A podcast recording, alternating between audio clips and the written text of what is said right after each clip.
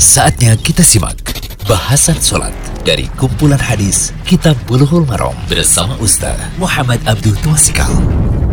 Alhamdulillah, wassalatu wassalamu ala rasulillah wa ala alihi wa sahbihi wasallam. Kali ini kita berada di audio ke-29 dari pembahasan kitab Bulughul Maram, kitab sholat tentang azan. Yaitu minta upah dari azan. Kita masuk hadis ke-195 wa an Utsman bin Abil As radhiyallahu anhu annahu qala Ya Rasulullah ij'alni imama qaumi. Qal anta imamuhum.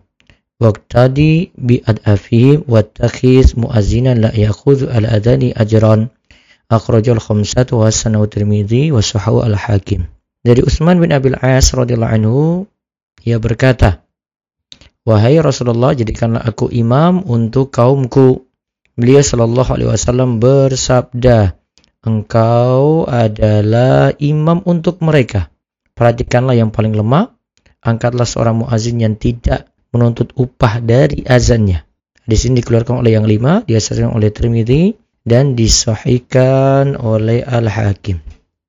Hadis ini kesimpulannya dikeluarkan oleh Abu Dawud pada kitab Salat bab mengambil upah dari azan. Anasai juga Ahmad Al-Hakim dari jalur Hamid dari Said Al-Juriri dari Abu La'ala, dari Matrab bin Abdullah, dari Utsman bin Abil As. Syekh Abdullah Fauzan dalam Minha al-Alam menyimpulkan bahwasanya hadis ini hasan. Kesimpulannya dari hadis ini, pertama, hadis ini jadi dalil boleh meminta menjadi imam jika punya tujuan baik, yaitu ingin mewujudkan kemaslahatan kaum muslimin. Adapun meminta jadi imam untuk mencari kekuasaan, meminta jabatan itulah yang tercelah. Yang kedua, hendaklah imam memperhatikan keadaan makmum karena ada yang lemah dan umurnya sudah sangat tua. Yang ketiga, dalam sholat kaum lemah atau du'afa butuh untuk diperhatikan. Perhatian seperti ini juga berlaku dalam segala sesuatu, misalnya saat safar dan jihad. Yang keempat, hadis ini menunjukkan keutamaan orang yang memperhatikan waktu azan dan ia tidak mengambil upah keutamaan orang yang memperhatikan waktu azan dan ia tidak mengambil upah. Kemudian kelima, hadis ini bukan menunjukkan haram jika ada yang mengambil upah dari azan. Tetapi sekadar menunjukkan anjuran agar upah tidak diambil. Syekhul Islam Ibnu Taimiyah rahimahullah berkata, mengenai upah untuk ibadah dalam hal ini dibedakan antara orang yang butuh upah dan selainnya. Itulah yang lebih tepat. Jika seorang membutuhkan upah, ia tetap niatkan amalannya itu karena Allah masih boleh baginya untuk mengambil upah dalam ibadah. Karena nafkah pada keluarga itu wajib dan boleh sesuatu yang wajib dibayarkan dengan upah ini. Sedangkan orang kaya tidaklah butuh pada upah ini karena nantinya ia termasuk orang yang beramal pada selain Allah.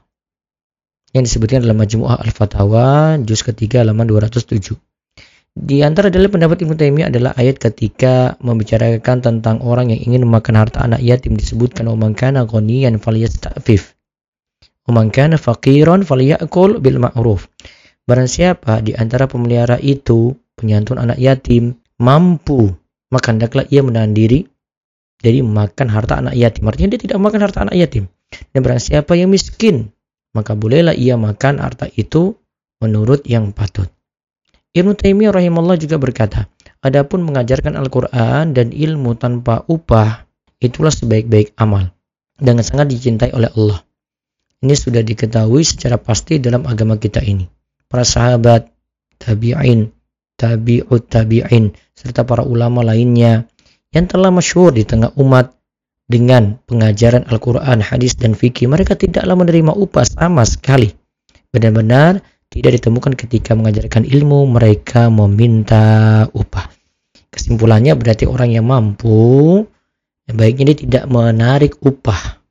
Ya, jadi dia memberikan ilmu itu ikhlas karena Allah Subhanahu wa taala. Tapi ini tidak menutup kemungkinan ada yang memang nafkahnya terbatas. Dia bisa dibantu oleh orang-orang untuk memberinya upah ketika dia mengajarkan suatu ilmu. Itu tadi seperti dikatakan oleh Ibnu Taimiyah, dia melakukan suatu ibadah, mengambil upah dalam ibadah. Jadi kesimpulannya tadi ya, lihat dari orang tersebut butuh ataukah tidak. Wallahu a'lam. Demikian Bahasan sholat dari kumpulan hadis Kitab Bulughul Maram bersama Ustaz Muhammad Abdul Tuasikal.